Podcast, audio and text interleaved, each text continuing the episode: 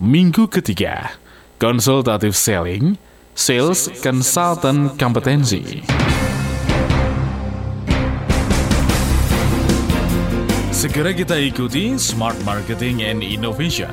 Seluk-beluk pengembangan perusahaan dari sisi A hingga Z marketing dan inovasi. Bersama DSW, pakar dan praktisi bidang marketing dan inovasi, sekaligus Business Development Director SLC Marketing. Halo, selamat sore Smart Listeners. Di mana pun Anda berada Senang sekali rasanya saya Elina Budiarti Kembali menyapa Anda di hari Senin. Happy Monday ya Jangan uh, hate Monday tapi I love Monday.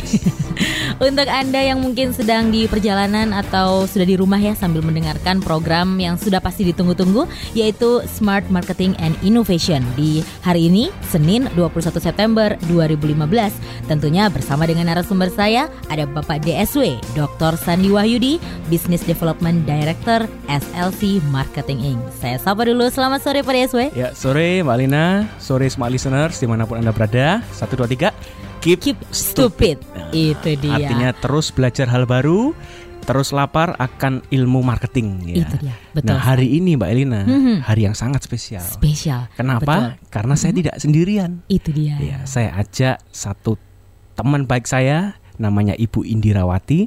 Beliau adalah marketing consultant dari Prodia. Ah kita sapa dulu. Iya, Halo, sapa selamat dulu. sore, Sore, Bu Indira. Bu Indira. Selamat sore Bu Elina, selamat sore Pak Sandy, Iya, selamat sore, sore, Bu. para pendengar. Iya, Apa kabar Bu Indira hari ini? Baik sekali. Baik, tentunya ya. Saya ingin ikut-ikut keep stupid. Keep Wah, stupid lah, betul. Mantap nih ya. Itu ya.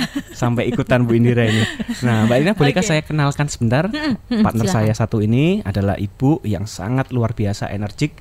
Beliau adalah eh, seorang yang lulus S1 Biologi tahun 1979. Jadi lulusnya tahun 79 ya kurang lebih tahun kelahiran saya.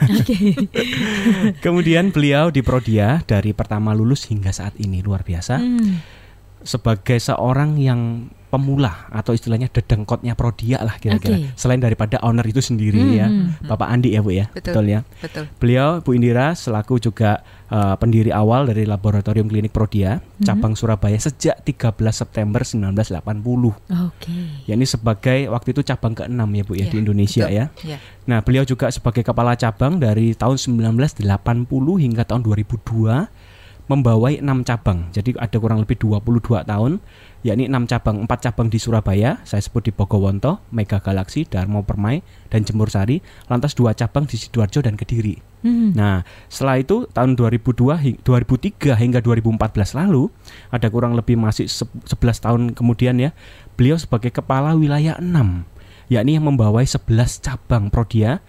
Di antaranya adalah 6 cabang di Surabaya tadi di atas, kemudian ditambah lagi dengan cabang Malang, Bali, di Bali ada dua yakni Denpasar dan Singaraja, kemudian cabang di Mataram di NTB, selain itu juga cabang di Kupang di NTT, plus lagi 20 cabang pembantu yang tersebar di Jawa Timur, Bali, NTB dan NTT. Waduh, Nah, luar biasa sekali. Tahun lalu beliau sudah Hmm. purna bakti, Mhm. tahun lalu sudah purna bakti, Mhm. namun beliau masih aktif membantu Prodia.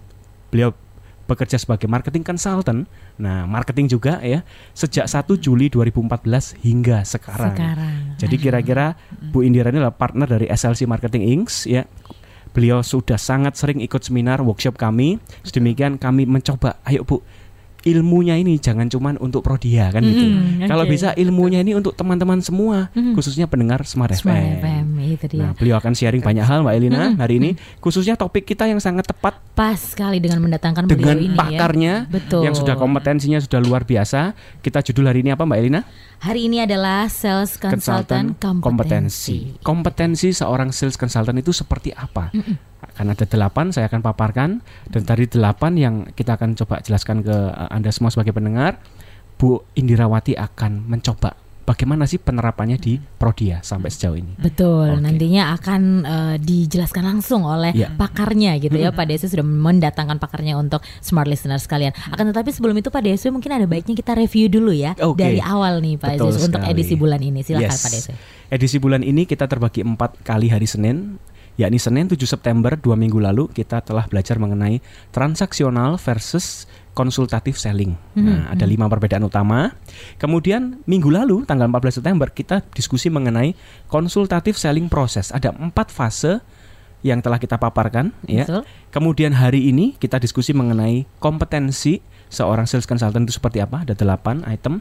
Lantas diakhiri Senin depan, Pak Elina, yakni tentang sales consultant role. 8 peran seorang sales consultant seperti apakah yang bisa dilakukan dari sebelum closing sampai closing dan kemudian sampai mendapatkan referral baru dari klien-klien yang lama. Nah, Itu dia. gimana caranya dari A sampai Z-nya seorang sales consultant? Itu minggu depan. Itu minggu depan Iya. dan minggu ini tentunya itu tadi ya yaitu sales consultant Consultant. kompetensi. Jadi Iya. akan dibahas secara detail seperti apa Mm-mm. baik eh, yang disampaikan oleh Pak DSW Mm-mm. eh, info infonya atau teorinya semacam Mm-mm. itu kemudian nanti penerapannya langsung dari Iya. pengalaman beliau atau Iya. dok- eh, atau Indo- Ibu Iya. Indirawati ini. Benar. Baik, untuk Anda smart listener, saya tentunya mengundang Anda ini untuk melakukan interaktif baik melalui telepon, SMS, BBM maupun Twitter. Langsung telepon kami di 031 732 1498 atau SMS 0856 461 16889.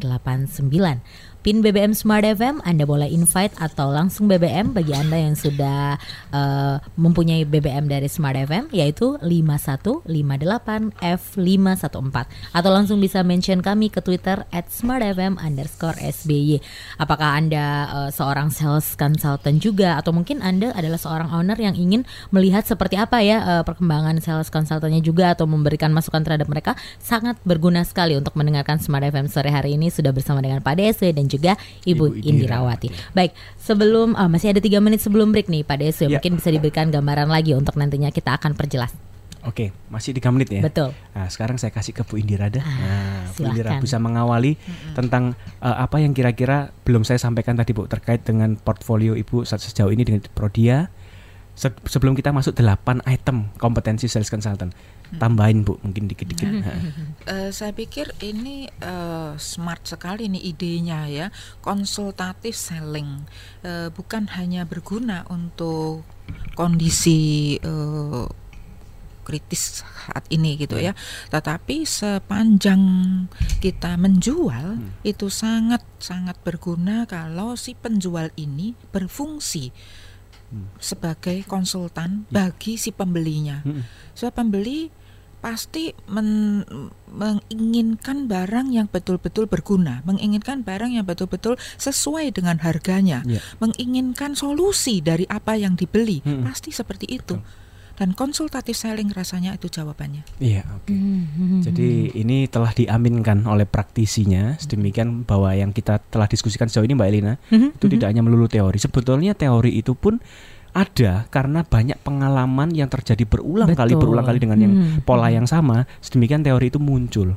Seringkali kalau anak-anak muda Mhm. diajar dosennya, Mhm. ah teori Mhm. atau peserta seminar waktu ikut seminar, ah teori. Padahal teori ini adalah pengalaman mahal orang-orang yang telah mendahului kita yang ya. telah gagal, Mhm, mhm. sukses gagal, gagal, gagal. Mhm. Kegagalan kesuksesan ini diramu menjadi sebuah teori. Betul. Sebenarnya kalau kita belajar teori itu pada dasarnya kita nggak usah mengalami kegagalan yang sama seperti yang dilakukan oleh orang lain sebelum kita. Mhm, Nah dari teori ini saya coba angkat hari ini khususnya saya ajak praktisi. mhm.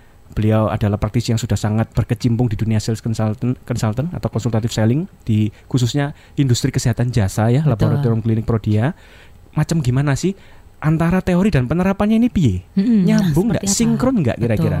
Nah, nanti kita formatnya Mbak Elina, saya akan mengawali sebuah teori, Bu Indirawati akan melakukan penjelasan bagaimana dari sisi prakteknya. Nah, Anda pendengar mohon interaktif supaya paling tidak bagaimana penerapan di industri Anda. Anda bisa sharing Betul. di tempat ini. Bisa menambahkan atau berargumen silahkan. Hmm, atau sama di bidang jasa kesehatannya akan pas Apa sekali. lebih tepat? Betul. Apalagi Walaupun- Anda Hmm. kompetitor ya. Wah, ini Nah, lebih seru lagi kan. Iya. Oke, Oke. baik. Smart listeners itu tadi ya.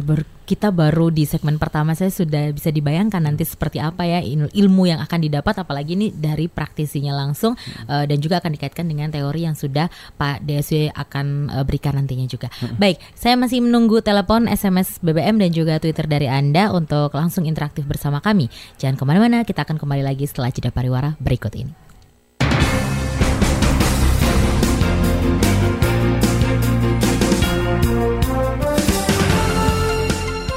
Baik, Smart Listeners, kita kembali lagi di 889 Smart FM Surabaya tentunya masih dalam Smart Marketing and Innovation bersama dengan Pak DSW dan juga Ibu Indirawati sebagai guest star kita sore hari ini. Baik, yang sudah kita tunggu-tunggu ini langsung saja kita akan bahas topik kita sore hari ini yaitu sales konsultan kompetensi. Silahkan.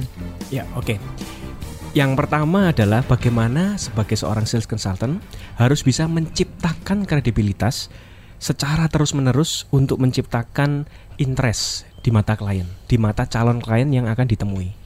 Jadi yang mungkin masih uh, minggu lalu Mbak Elina masih ingat juga hmm. ada fase pertama itu kan pre-call ya. Betul. Pre-call itu adalah fase di mana sebenarnya kita sudah melalui fase ke nol. Hmm. yakni ketemu pertama di hmm. airport atau ketemu di terminal atau ketemu di mall. Hmm. Nah, pada waktu itulah kita kan ada kesempatan untuk berkenalan.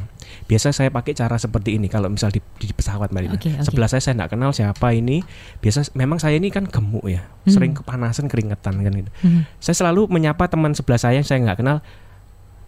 Bu, permisi, AC-nya boleh saya hadapin saya. Okay. Nah, itu kan eh, AC pesawat bisa hadapin saya. Huh. Oh, monggo Pak, silakan. Hmm. Nah, setidaknya kita sudah kasih senyum, sudah sapa dia. Okay dalam perjalanan katakan dari Jakarta Surabaya sejam itu saya bisa mulai ngobrol karena apa sudah saya sapa di depan hmm. dari mana Pak mau ke mana tujuannya apa ke Surabaya dan sebagainya nah pada waktu itulah kita menciptakan yakni sedang menciptakan kredibilitas di mata mereka Ya, kredibilitas itu tidak diciptakan hanya saat kita bertemu pelanggan saja, bertemu calon klien saja di kantornya atau di perusahaannya tidak, hmm. tapi di mana saat kita pertama fase nol pertemuan pertama sebelum setelah itu kan saya ceritakan besoknya kalau malamnya ditanyakan gimana bu tadi flightnya sudah sampai rumah jam berapa ya kan hmm. disapa hmm. kalau kita sudah tukar pin BB tukar WhatsApp atau besok pagi disapa gimana bu semalam nah kan hmm. itu hmm. sudah touching di awal betul, betul. nah itu kredibilitas okay. sesungguhnya kredibilitas yang kita ciptakan di awal itu adalah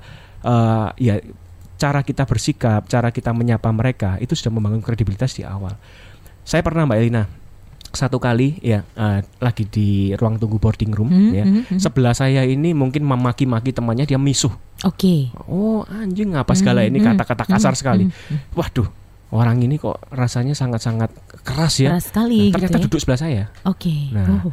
duduk sebelah saya hmm. ini saya kira sudahlah, saya rasa enggan mau nyapa dia karena apa keras sekali dia misu-misu keluar semua lah kata-kata binatang okay. ini ya. Hmm. Sedemikian ternyata duduk sebelah saya, saya bisa jadi seharusnya mungkin dia ngajak ngomong sama saya, saya kan adalah calon klien ya mungkin kan, hmm. perusahaannya apa saya nggak tahu, saya nggak kenal, tapi kita nggak tercipta omong-omong karena image saya di image dia di mata iya. saya, saya saya sudah cap dia jelek karena sudah apa? minus gitu sudah ya minus awal, ada minusnya betul. di awal. Itu kan sayang sekali. Nah, kredibilitas diciptakan tidak hanya saat ketemu, setiap hari kita di mana pun di mall, di tempat pasar, di di perusahaan, apalagi di kantor kita, hmm, hmm, jangan sampai kita salah tingkah, bikin kesalahan, supaya apa? Ada waktu kita nggak sadar, ternyata itu adalah calon klien kita yang akan membeli. Iyalah, JKTE kok ini tok uang ini kan gitu. Jangan sampai okay, terjadi seperti itu. Betul. Susah nanti. Nah, kredibilitas diciptakan di mana pun, saat apa pun kita berada. Okay. Yang enggak cuman mungkin di rumah mungkin ya. Hmm, nah, sama istri juga harus sendiri. tetap okay. sayang. Oh, ngomong di luar, wah oh, Anda harus sayang istri. Padahal di rumah menampari istri itu percuma juga. Iya. Nah, kredibilitas integritas okay. lah. Betul. Terkait dengan integritas juga. Hmm. Itu kira-kira teori pertama. Mungkin Bu Indira bisa menambahkan contoh di Prodia seperti apa. Monggo hmm, Bu. Persis sekali. Hmm. Uh, hari Jumat yang lalu ada acara okay. di tempatnya Pak Sandy. Hmm. Kebetulan saya juga ikut hmm. sebagai hmm. peserta ya. Yeah Uh, saya masih menunggu di ruang tunggu, kemudian datang satu orang gitu. Uh, saya pikir ini kayaknya calon peserta juga nih. Hmm. Jadi saya menyapa yeah. gitu. Uh, dari mana Pak? Kemudian Dionya juga tanya saya, hmm. dari mana gitu. Saya bilang dari Prodia. Oh, saya pernah periksa di Prodia. Loh, hmm. yang di mana Pak? Yang di Darmo Permai. Oh, yang sebelahnya Bon Ami. Hmm. Iya betul. Langsung saya, gimana Pak hasilnya waktu yeah. itu? Iya, saya ini ada hipertensi. Ah, langsung saya kaget umurnya kan baru muda lah, Pak masih Fred, muda. Pak Fred mungkin ya, tiga tiga puluh sembilan mungkin iya. uh, iya, masih muda sekali, Pak. Benar hipertensi? Iya, masa sih? Masih nggak percaya hmm, hmm. karena masih muda gitu. Okay. Iya, sampai berapa Pak tensinya? 200. Ya wow. ampun, Pak. Okay. Tidak boleh lupa obat, 200. tidak hmm. pakai lupa, saya bilang gitu. Hmm. Dan itu seumur hidup. Pemeriksaan Betul. laboratorium bagaimana Pak? Hmm. Apa yang? Iya, memang saya uh, kolesterol tinggi, apa segala asam urat juga, Pak. Rutin ya Pak. obat rutin, pemeriksaan laboratorium sekar secara berkala. Hmm. Bapak kalau periksa kolesterol, periksa lemak, jangan hanya kolesterol. Yang jahat itu empat pak, yang Hmm. baik cuma satu. Hmm. Kolesterol jahat, Hmm. trigliserida jahat, Hmm. LDL jahat, ApoB jahat. Yang baik cuma HDL. Hmm. Jadi kalau periksa lemak yang lima macam itu ya Pak, asam urat apalagi kalau ada tinggi. Jadi sekali lagi ya Pak, ya Pak, Pak benar loh Pak. Hmm. Sampai iya Bu, saya pengennya bisa lepas dari obat, tidak bisa Pak. Hmm. Hmm. Kalau itu darah tinggi atau diabetes tidak ada ceritanya lepas obat. Jangan di Bapak masih muda, sayang, anak-anak masih kecil. Hmm. Itu prekol ya, mungkin Iya. prekol. ya. Hmm. Pertemuan pertama, Pertemuan. tapi kita sudah membangun image Betul. yang baik dan mengenalkan siapa kita, Hmm. Iya. yang bisa membantu kan, problem solver kan, Saya Bu nggak Indira? kenal sama sekali. memberikan eh, sesuatu yang konsultatif, Konsultatif. ya yang bersifat Iya. bermanfaat bagi Iya, si tidak langsung. Bu Indira menyodori ini loh Pak, pro- kami punya promo terbaru per- Betul. terbarunya Prodia, ayo cek lagi. Enggak seperti itu, Tidak, tapi memberikan Sampai sebuah betul, edukasi. betul, betul. Mhm. Karena ini harus jalan. Sehingga calon Ininya ini pendengar nggak tahu Bu. Bu Indira sedang pegang hatinya, itu dia betul pegang dadanya ya. Hatinya, benar atau interestnya tadi sudah Interestnya tercipta, sudah tercipta. gitu. oke baik setelah itu mungkin ada apa lagi Bu Indira Eh, dari segi eh, penampilan perlu nggak sih kira-kira Bu untuk itu Nah, kemarin Pak Sandy baru cerita bahwa materi konsultatif selling ini adalah untuk B2B. Oke Tapi langsung setelah selesai saya yang memberi masukan sedikit, Pak, ini bukan hanya B2B saja, B2C pun iya, Mm-mm. karena Mm-mm. saya mengalami sekali Mm-mm. gitu. Mm-mm. B2C kan kalau Prodia kan langsung ke customer. Betul. gitu ibu saya mbak saya mau periksa SGOT SGPT kenapa pak Hmm. takut karena sakit liver loh Hmm. jangan hanya SGOT SGPT bu oke karena ibu gemuk gitu Hmm. nanti SGOT SGPT bisa tinggi Walaupun nggak kena liver ya. walaupun nggak sakit Nggak liver sakit liver. nah kita harus memberikan konsultasi ke Hmm. ibu ini Hmm. apa pentingnya Ya. dan kalau memang mau periksa liver yang mana yang lengkap Mm-mm. yang seperti apa gitu. Mm-mm. Nah, ini Oke. sambung teori kedua nyambung Mm-mm. soalnya Bu Indira. betul Bahwa kita harus bisa menganalisa kebutuhan klien dan mengidentifikasi masalah apa yang mereka hadapi. Nah. Ini yang kedua. Jadi yang pertama tadi kan menciptakan kredibilitas untuk menciptakan interest ya di mata klien, image kita. Yang kedua adalah menganalisa klien ini butuh apa, masalah apa yang dihadapi. Nggak langsung kita sodori produk kita. Saya mau periksa SGOT, SGPT. Bu, enggak sekalian ini, ini, ini, ini sekalian. Belum ditanya sakit apa, keluhan apa. Sudah Betul, ditawarin, Bu, ini ada paket lengkap promo, lagi murah. Loh, enggak, enggak, belum tentu dia butuh kan. Nah, harus ditanya dulu apa kondisinya. nah, Betul, ini yang Bu Indira tadi bisa ya. tam- sambung, Bu. Mm-mm. Monggo. Betul, Mm-mm. betul, betul, betul sekali. Eh, jadi orang datang ke laboratorium itu bisa karena dia hanya mau check up, Mm-mm. check up kesehatan keseluruhan, Hmm. bisa juga karena mungkin anaknya kena hepatitis atau mungkin suaminya kena hepatitis atau ada saudara yang meninggal karena kanker liver sehingga dia ketakutan pengen periksa. Nah, Mm-mm. itu harus kita gali dulu apa Bu pemeriksaan karena eh, kalau dia sudah membawa surat ru- rujukan dari dokter oke langsung tapi kalau belum kita persilahkan eh, konsultasi dengan dokter Ya. umum yang ada di tempat kita Oke. sehingga dokter umum bisa mendeteksi menggali apa yang diinginkan dan penyebabnya apa Mm-mm. Mm, oke baik jadi mm, Hmm, jadi dari situ maksudnya seperti contoh yang tadi Bu Indira kasih juga bahwa salah satu bapak yang tadi harus diketahui misalnya dia Mm-mm. punya hipertensi barulah ibu bisa kasih tahu uh, apa yang bagus atau apa yang konsultatif apa yang bagus buat betul dia gitu ya. pemeriksaan berkala Mm-mm. apa yang diperlukan untuk Betul. seorang penderita hipertensi bukan hanya lemak tapi juga ginjal fungsi ginjal juga perlu diperiksa Hmm, Gitu. Ini saya ada pertanyaan buat Bu Indira. Hmm, Kalau semisal Bu eh, orang yang bersangkutan membawa surat dari dokter, biasanya dia kan ke dokter, terus kamu udah cek darah dulu, betul terus dikasih apa itu surat, Surat rujuk- rujukan. Hmm, iya Kemudian gimana Bu kalau dia bawa ini saya mau ambil yang ini, ya heeh. hanya diperiksa sesuai dengan petunjuk. surat rujukan Rujukan. dari dokter karena otomatis dokter se- tersebut sudah mempertimbangkan Hmm. oh ini yang perlu Oke. udah Ya. gitu Oke. hmm, hmm, hmm, hmm. Oke baik kalau begitu. Jadi sudah ada dua nih smart listeners, dua uh, kompetensi atau Mm-mm. yang itu yang pertama adalah estab- establish credibility, Credibility, to create clients clients interest. interest. Tadi sudah diberikan contoh juga sama Pak Deswe bahwa uh, boleh dibilang jaga image di mana-mana itu harus gitu Termasuk ya. Pak Deswe? posting PBBB Anda, WhatsApp Nah, Anda. Betul. Jangan bikin kata-kata status yang galau, yang menyalahkan orang Betul. lain. Apalagi di dalam sudah banyak klien misalnya. Aduh, Betul. jangan sampai ya smart listeners. bikin ya. sesuatu status yang memotivasi orang, yang memberi inspirasi bagi orang lain. Jangan pasang PBBB yang ada unsur sara, pornografi. Itu akan membuat image kita jelek loh. Ya.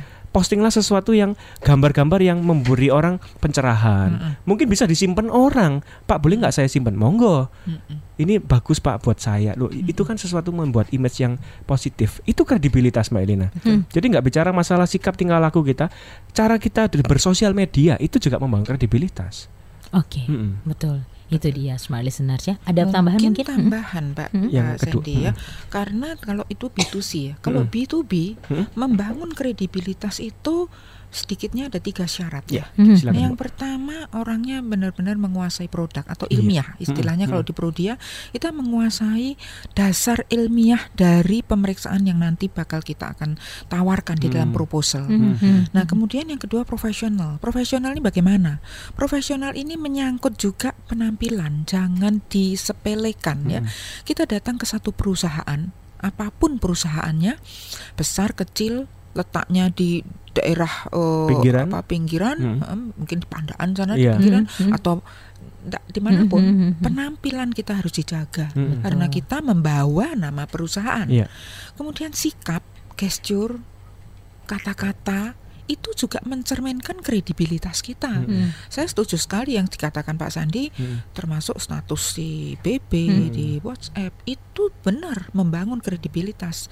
Ter, di mana pun kita berada, Hmm. di kantor atau di luar kantor. Mm.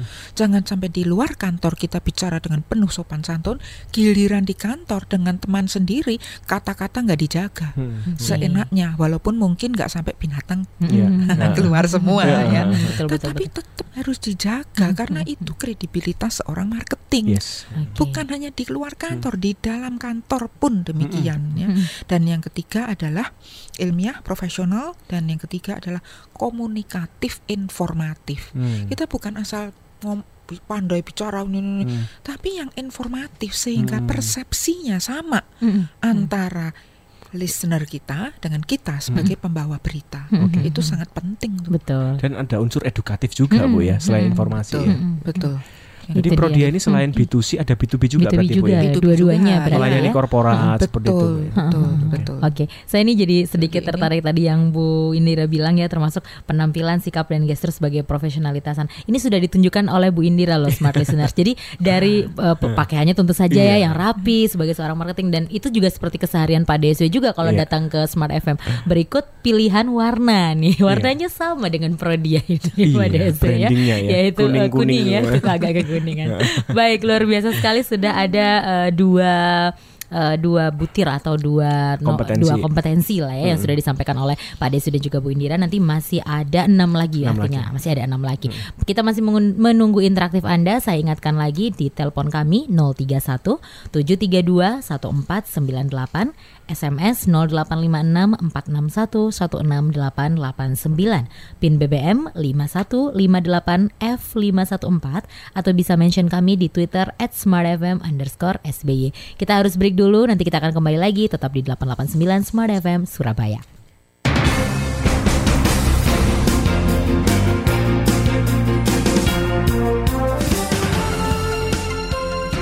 Baik, kita kembali lagi di 889 Smart FM Surabaya. Smart Listeners Tentunya eh, bagi Anda yang menunaikan ibadah sholat maghrib Kami ucapkan selamat menunaikan ibadah sholat maghrib ya. Kita akan lanjut lagi di Smart Marketing and Innovation pada sore hari ini Dalam edisi Sales Consultant Kompetensi Tentunya masih dengan Pak Deswe dan juga Ibu Indirawati dari Prodia Surabaya nih. Silakan eh, mungkin dilanjutkan lagi ya, Ya, dengan yang tadi. Kita masuk item ketiga ya, Betul. Mbak Lina ya. Betul. Item ketiga, kompetensi yang dibutuhkan untuk dibentuk untuk seorang sales consultant adalah menunjukkan kapabilitasnya. Bukti kapabilitas bahwa dia mampu melakukan assessment untuk solusi bagi klien tersebut. atau saya sebut aja dalam bahasa Inggris ya. Hmm, hmm. Walaupun agak rada belepotan. Mhm. Showing proof of capabilities when clients assess the solutions offered. Jadi bagaimana kita mampu menunjukkan kemampuan kapabilitas kita waktu klien itu calon klien mulai melihat kita, mendengarkan kita, mulai me- mantuk-mantuk, Hmm, manggut-manggut hmm, ya hmm, dengan apa yang kita ucapkan. Hmm, Kapabilitas ini bisa bisa kita tunjukkan dengan apa? Waktu ditanya apa pun kita bisa jawab Mbak Elina. Oke. Loh. Misal Mbak, ini apa bedanya dengan itu? Wah ya sama aja sih Pak. Jangan sampai kita waktu ditanya calon klien dan kita ngomong, wah saya kurang tahu, saya tanya supervisor saya dulu ya Pak ya. Waduh. Aduh. Kalau sampai kita nemuin orang kayak gitu, apa yang kita rasakan? Wah Ragu Sudahlah, Mbak, jadinya. Anda pulang aja. Betul, Jadi kirim ragu. supervisor an- Anda aja untuk ketemu saya. Karena kalau kita sudah melayani korporat, Hmm, hmm, hmm. apalagi korporat yang ngambilnya dalam jumlah besar, Besar, ya. betul. Prodia juga selain retail juga korporat. Nah kalau yang nawari orang sudah nggak kelihatan kapabilitasnya, ya sudah kita nggak akan dapat lebih lanjut. Pak saya kirim proposal, udahlah, eh, saya mau temui manajer Anda dulu. Saya pikir-pikir. Nah ini kan sesuatu yang sayang. Hmm. Harusnya sudah kita bisa appointment kali kedua untuk mulai tender Mhm. atau mulai presentasi proposal kita, kita nggak dapat kesempatan itu. Hmm. Nah, itulah uh, item yang ketiga, bagaimana kita menunjukkan kapabilitas kita. Sedemikian saat kita ditanya apa pun kita bisa jawab. Apa sih beda uh, perusahaanmu dengan perusahaan ini? Kita bisa Ah. jawab. Apa sih keunggulan produk ini dibanding itu di dalam satu perusahaan sama aja? Istilahnya item produk yang kita jual, kita bisa jelaskan semua. Hmm. Kalau produk ini di ini kan nanti gimana hasilnya? Kalau produk ini, nah Hmm. sampai kedalaman daripada apa yang dia jual. Hmm. Saya pernah satu kasus Hmm, hmm. satu klien pabrik baja di Gresik sana ada beberapa sales di sana yang yang apa manajernya pernah cerita Oke. Pak saya itu punya sales banyak tapi ada gap antara si senior sama si junior nah gapnya apa? Saya tanya. Kalau si senior kalau ditanya sama klien itu kan mereka ngambil baja apa pipa-pipa besi-besi untuk tiang-tiang lampu pinggir Hmm, jalan ya hmm, hmm, penerangan jalan sebagainya. Hmm, hmm. ada salah satu klien yang tanya ini kalau nanti dielas sama logam ini kemudian di bending di bending ditekuk Hmm. itu sampai berapa derajat ya tekuannya nah sales yang senior bisa bisa jawab Oke. wah nggak bisa pak ini di bending maksimal tekanannya berapa ton ya cerita semua tapi yang sales junior waduh pak speknya cuman ini yang saya bawa Waduh. saya nggak bisa nggak nggak tahu ini nanti dilasnya macam berapa derajat suhunya ini loh kapabilitas seseorang diukur dari kedalaman daripada apa katalog yang dia bawa nah kalau dia cuman katalog aja yang dia bawa dan dia hafalkan cuman di katalog saja dia bukan problem solver dia produk pusher dia masih Hmm. seorang yang transaksional selling Betul. ini gua bawa apa lu cuman lihat ini aja Ini aja gitu. Lepas ya. dari itu saya nggak tahu jawabannya apa. Nah ini yang akan diceritakan Bu Indira bagaimana beliau di Prodia me- mendidik ya, mendidik para tenaga frontliners di sana sedemikian bisa benar-benar menunjukkan kapabilitas dirinya. Silakan Bu Indira. Hmm, hmm. Ya. Silakan Bu. Jadi memang untuk menunjukkan kapabilitas diri tidak terlepas dari teori satu dan teori dua tadi. Mm-mm. Jadi menunjukkan eh, kredibilitas diri dan menganalisis kebutuhan pelanggan. Nah itu kan sudah diawali ya Pak Ya. Sandi ya. Eh, sudah omong-omong ringan tadinya, terus mengarah gitu. Jadi eh, biasanya kalau ini kita berhadapan dengan korporat seperti itu, kita memang bisa tanya apakah selama ini ada pemeriksaan check up kesehatan untuk para karyawannya atau mungkin calon karyawan. Terus selama ini seperti apa kesimpulannya di perusahaan tersebut? Doanya pasti 100% bak- hasilnya Sehat bagus ya. karyawannya Hmm. sehat Hmm, semua. hmm, Waduh, hmm. pasti senang sekali perusahaan Hmm, yang seperti itu ya. Eh, tapi mungkin kita bisa me- menggali data berapa besar biaya untuk kesehatan karyawan, biaya untuk eh, pengobatan karyawan. Mm-mm. Dari penyakit apa yang selama ini banyak diderita oleh karyawan? Mm-mm. Ada penyakit-penyakit yang memang eh, perlu dilakukan pemeriksaan secara berkala. Mm-mm. Jadi di situlah kita bisa menunjukkan kapabilitas dari perusahaan yang kita bawa karena bagaimanapun kita mewakili perusahaan. Kenapa Bapak pas sekali dengan menunjuk Prodia? Karena kami bekerja dengan betul-betul mengutamakan akurasi dan presisi. Sangat amat penting Mm. akurasi dan presisi dari sebuah hasil laboratorium Mm-mm. Kita jasa kesehatan. Kalau kita bicara kesehatan, istilahnya sembuh atau sakit Hmm, hmm. Hidup atau mati. Hidup atau mati. Mau bicara begitu agak belum nggak- nyampe. Nggak apa-apa, apa-apa. Ini teman-teman juga kan ya. Hmm, nggak biar apa-apa. pas biar paham langsung Memang gitu ya. begitu. Langsung aja memang saya sikat begitu. Memang begitu. Iya. Nah, oleh karena itu akurasi dan presisi dari sebuah pemeriksaan laboratorium amat sangat penting Hmm. karena kita mungkin bisa dapat ceritaan dari eh, korporat tersebut bahwa pemeriksaan kesehatan ini menentukan dia naik ke jabatan berikutnya apa tidak. Banyak korporat yang seperti itu. Mm-mm.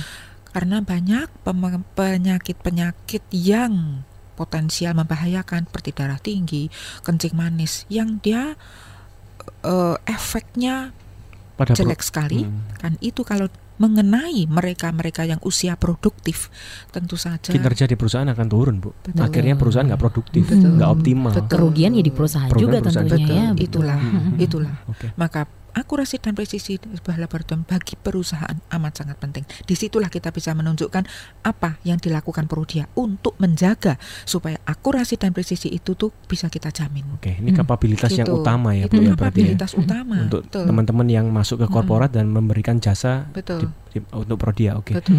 Akurasi presisi. Ini seorang marketing consultant seperti saya juga harus punya akurasi presisi juga. Betul. Oh, betul. Saran solusi strategi marketing kalau nggak akurat, nggak presisi, sudah investasi budget iklan miliaran untuk Betul. pasang videotron macam-macam, nggak nggak Tapi maksimal. ternyata hmm, nama jelek biasa, juga, betul. nama kita jadi jelek.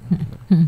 Nah, ini paling tidak eh, teman-teman smart listener sekalian, itulah poin ketiga, yakni kita mampu menunjukkan kapabilitas diri kita. Itu dia poin ketiga. Baik. Masih poin ketiga ya. Ada waktu masih poin ketiga. Akhir tetapi kita harus break dulu Oke, ya. silakan, masih ya. ada eh, poin-poin selanjutnya Ya, lagi, ada hmm. empat poin lagi. Jadi eh, Anda jangan khawatir, Anda tetap di radio Anda 889 Smart FM. Kita akan kembali lagi setelah jeda pariwara berikut ini.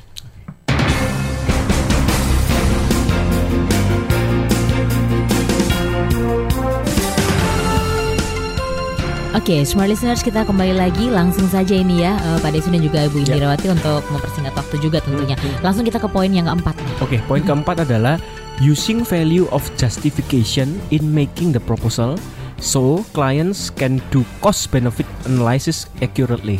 Jadi kira-kira saya terjemahkan bebas saja Mbak Dina. Mm-mm. Menggunakan justifikasi dalam membuat proposal, khususnya untuk klien yang B2B ya. Sedemikian mereka bisa melakukan analisis cost benefitnya saat akan mengambil jasa kita secara akurat. Nah, kira-kira sharing pengalaman Ibu Bu Indira di Prodia seperti apa Bu untuk melakukan hal ini? Ya. Silakan. Bu. Ini penting sekali justifikasi supaya klien ini betul-betul merasakan apa benefitnya buat mereka. Ya, misalnya kita me- akan membuat satu proposal penawaran Ya. untuk check up. Kita harus tahu persis ini digunakan untuk siapa. Kalau misalnya itu untuk calon karyawan. Mm-mm. Nah, biasanya calon karyawan usia relatif muda, Mm-mm. paling 20 30 tahun Betul. ya calon karyawan. Mm-mm. Eh, memang pada usia-usia segitu tidak banyak penyakit-penyakit metabolik. Mm-mm. Jadi pemeriksaannya cukup sederhana saja Mm-mm. untuk mengetahui eh, misalnya tapi gini, se- sederhana apa pun lemak eh, lemak darah gitu ya yang Hmm. tadi saya Hmm. katakan Hmm. kolesterol Hmm. itu sangat perlu. Karena apa? Gaya hidup. Ah, benar. Gaya hidup sekarang, pola makan eh, pecel jauh ya. Hmm. Kayaknya yang berlemak-berlemak itu eh, semakin banyak. Padahal itu mempunyai potensi yang membahayakan. Jadi Oke. itu perlu. Nah, saya ada dua orang teman Bu Indira Mm-mm. yang beberapa tahun lalu saat mereka masih usia 28 nggak sampai 30 lah Mm-mm. meninggal Bu. Wow. Dua-dua orang itu stroke semua. Waduh. di Nah, bawah 30, 30 tahun. beberapa tahun yang lalu. Jadi Dua-duanya stroke ya. iya, Oke. saya merasa waduh ini teman baik saya. Ini kan tidak bisa menyepelekan ya Bu Hmm, Indira betul. antara 20 sampai 30 Nah, Walaupun gitu masih ya. muda. Mm-mm. Memang sih eh, rata-rata sih masih bagus ya, tapi Mm. memang mungkin ada pengecualian ini ya di bawah Hmm, 30 hmm, tahun udah berarti- menderita stroke ya. Hmm. Nah, tapi memang banyak corporate yang menentukan pemeriksaan untuk calon karyawan tuh memang masih minimal ya Hmm, bagi oke. kita memang masuk akal sih Hmm, karena pada usia-usia segitu ya. Eh memang pada saat ini tahu ya lima 10 tahun belakangan dibandingkan dengan mungkin 20 tahun yang Hmm. lalu Hmm. memang agak berubah ya. Eh, dalam hal ini yang berubah itu calon karyawan perlu pemeriksaan hepatitis B, HIV Mm-mm. atau narkoba. Oke. Mungkin tidak kita kenal 20 tahun, Tahun yang, yang lalu, lalu. ya. Hmm.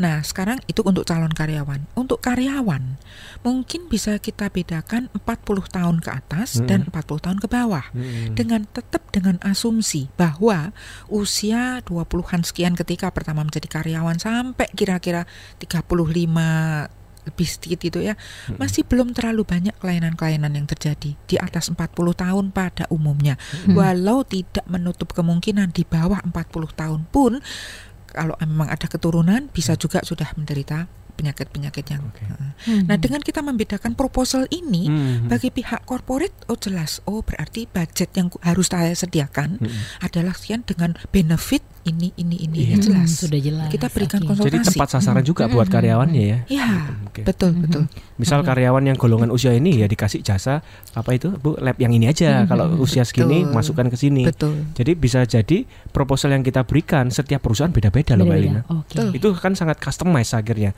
Perusahaan A, perusahaan B, jumlah komposisi karyawan dan usia karyawannya kan pasti beda. Berbeda-beda Betul. pastinya. Nah, inilah kita Hmm. harus melakukan justifikasi dalam membuat proposal. Jangan cuma copy paste yang lama sudah bikin kita kirim copy paste. Ini nggak akan Hmm. konsultasi selling, transaksional namanya. Nah, ini yang Mhm. dimaksud dengan Bu Indira. Oke. Mm-mm. Itu dia smart listeners di poin yang keempat.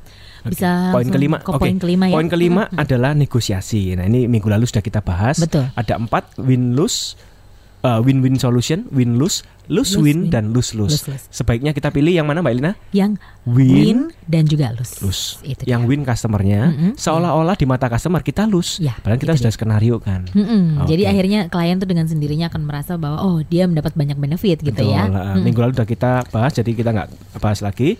Uh, kemudian yang keenam, ya bisa nanti Bu Indira bisa langsung 5 poin keenam langsung Bu contohnya.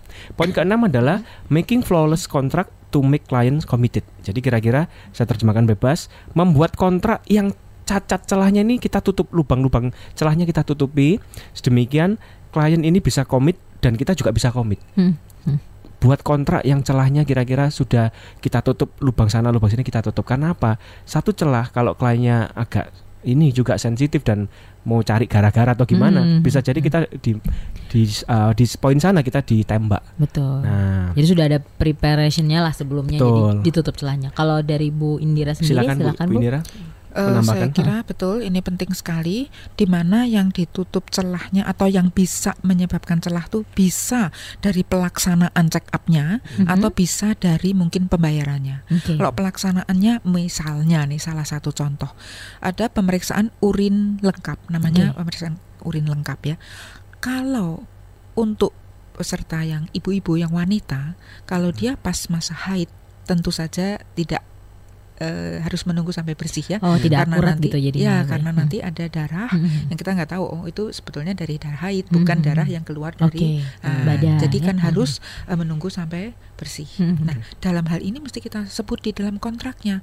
Nanti kan pelaksanaan check up itu kan disepakati negosiasi kita. Hmm. Kapan mau dilaksanakan? Oh, tanggal sekian sekian. Tapi ada beberapa peserta wanita yang kebetulan Pas haid pas pas tanggal-tanggal yang kesepakatan. Nah, Ini juga harus ada jadi klausulnya Bu ya. iya, Pasalnya ada untuk mengat- klausulnya. Mhm. Heeh. Hmm. atau kalau eh, pemeriksaan yang memang perlu diulang karena eh, ada ada permasalahan apa yang perlu diulang. Nah, biayanya bagaimana? Nah, itu Oh, masalahnya itu ulang kan banget. dua kali kerja kan. Betul, Mhm. betul. Ini harus celah-celah ini harus kita antisipasi Betul. sebelumnya. Hmm. Ini sesungguhnya Penting juga terkait jam terbang juga Bu Indira ya, dengan pengalaman-pengalaman senior Betul, kita. Betul. Sedemikian rupa junior ini juga harus dilatih terus. Betul. Karena pengalaman yang lalu, wah yang lalu pasal ini belum ada, kita tambahkan. Tambahkan Betul. lagi. Jadi namanya kontrak itu evolusi sih Hmm, sifatnya hmm, Mbak hmm. Elina. Dinamis terus ya, Dinamis melihat. terus Betul. penambahan-penambahan Hmm. sehingga wah kesalahan yang lalu kita masukkan. Keep stupidnya kan di sana. Iya, benar. Ya kan nambahkan supaya nggak ada celah lagi. Hmm, hmm. Yang pasti nggak ada kontrak yang sempurna. Karena apa?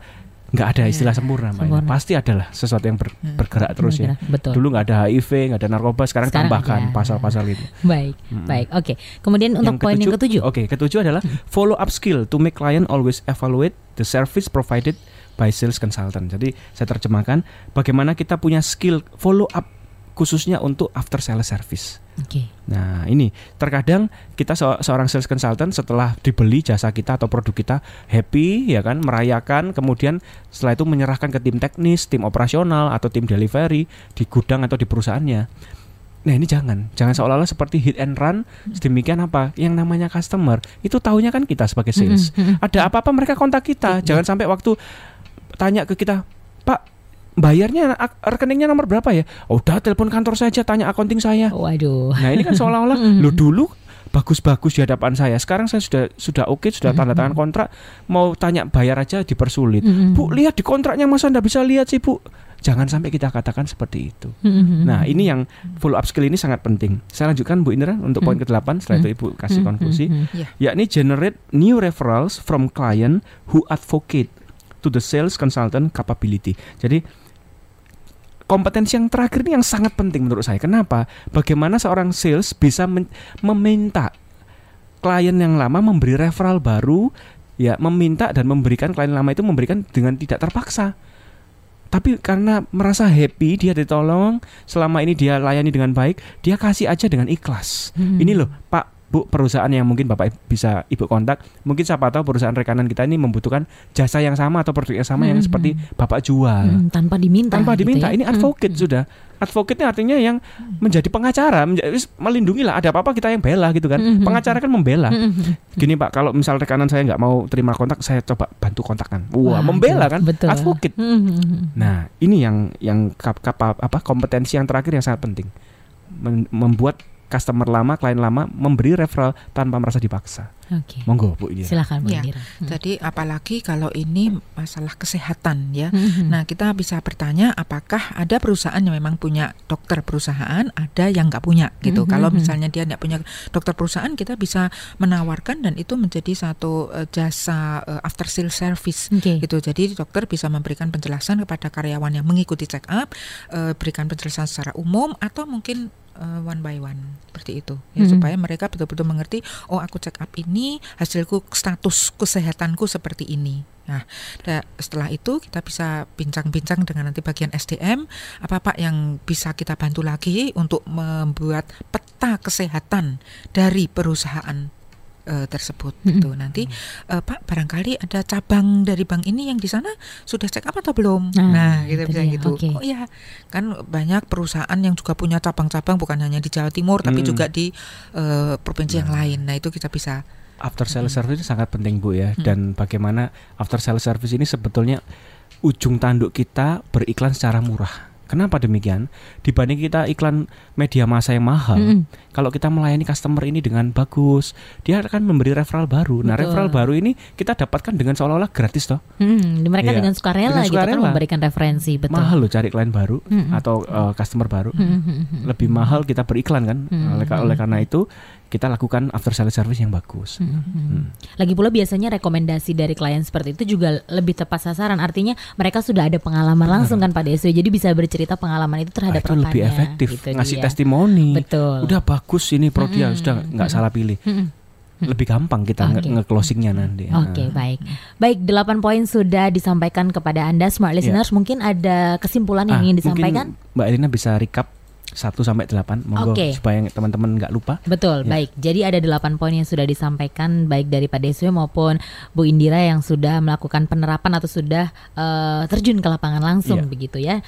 Jadi yang pertama ada establish credibility to create clients interest Ya. atau bagaimana seorang sales harus membangun kredibilitas dirinya secara terus-menerus di awal ini Ya. biar menciptakan perhatian atau Mm. interest dari klien. Ya. Kemudian yang kedua adalah analyze clients needs while clients identify their problem. Ya. Jadi kita bisa menganalisis kebutuhan pelanggan sehingga nantinya bisa tepat sasaran. Mm-mm. Kemudian yang ketiga adalah showing proof of capabilities when clients assess the solutions offered atau menunjukkan capabilities kapabilitas diri kita eh, melalui kelebihan produk yang kita jual Ya. gitu. Kemudian yang keempat yang keempat adalah using value of justification in making the proposal so clients can do cost benefit analysis accur- accurately. Ya. Jadi kita bisa melakukan jus- justifikasi nilai penawaran kemudian benefitnya seperti apa. Jadi orangnya pun atau klien itu bisa lebih jelas. Ya. Kemudian selanjutnya yang kelima adalah negotiation skill to negotiate with clients yang tadi sudah disampaikan Pak Ya, Deswe ya. minggu lalu toh. Minggu lalu kita sudah sampaikan.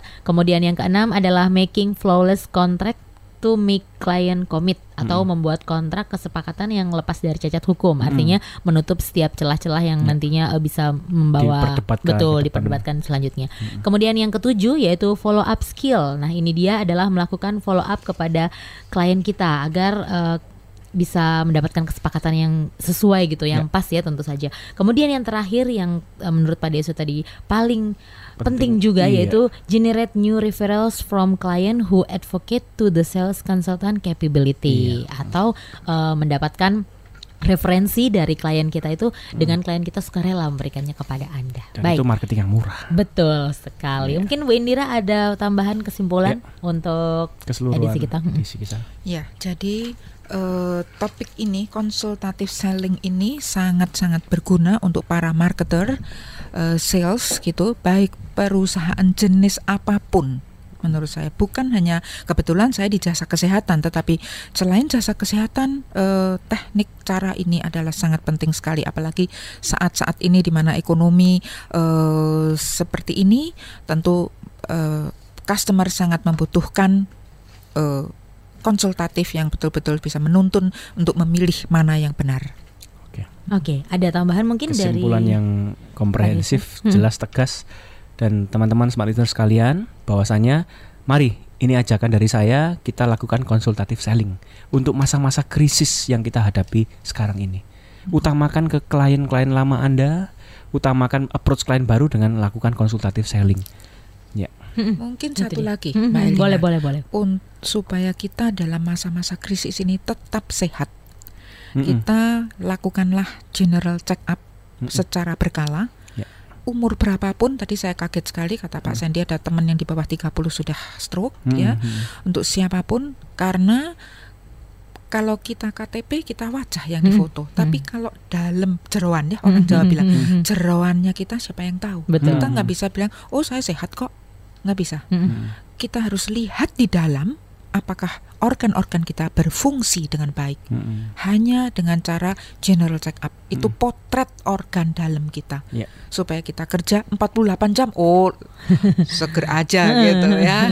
8 jam, dua, Dua hari dua ya. hari dua malam maksudnya tanpa tidur. Oke. Oke, Baik. luar biasa.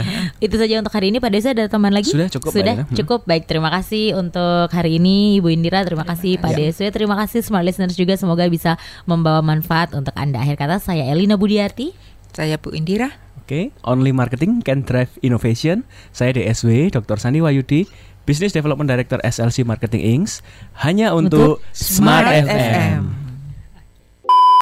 Mitra bisnis, jika Anda merasakan manfaat luar biasa dari seri Marketing Innovation Lesson ini dan ingin mendapatkan versi lengkap yang sudah disusun per judul berupa CD maupun podcast, sedemikian bisa dipelajari lebih mendalam, silakan kunjungi website kami di www.slcmarketinginc.com atau ke Shopee official store kami di SLC Marketing.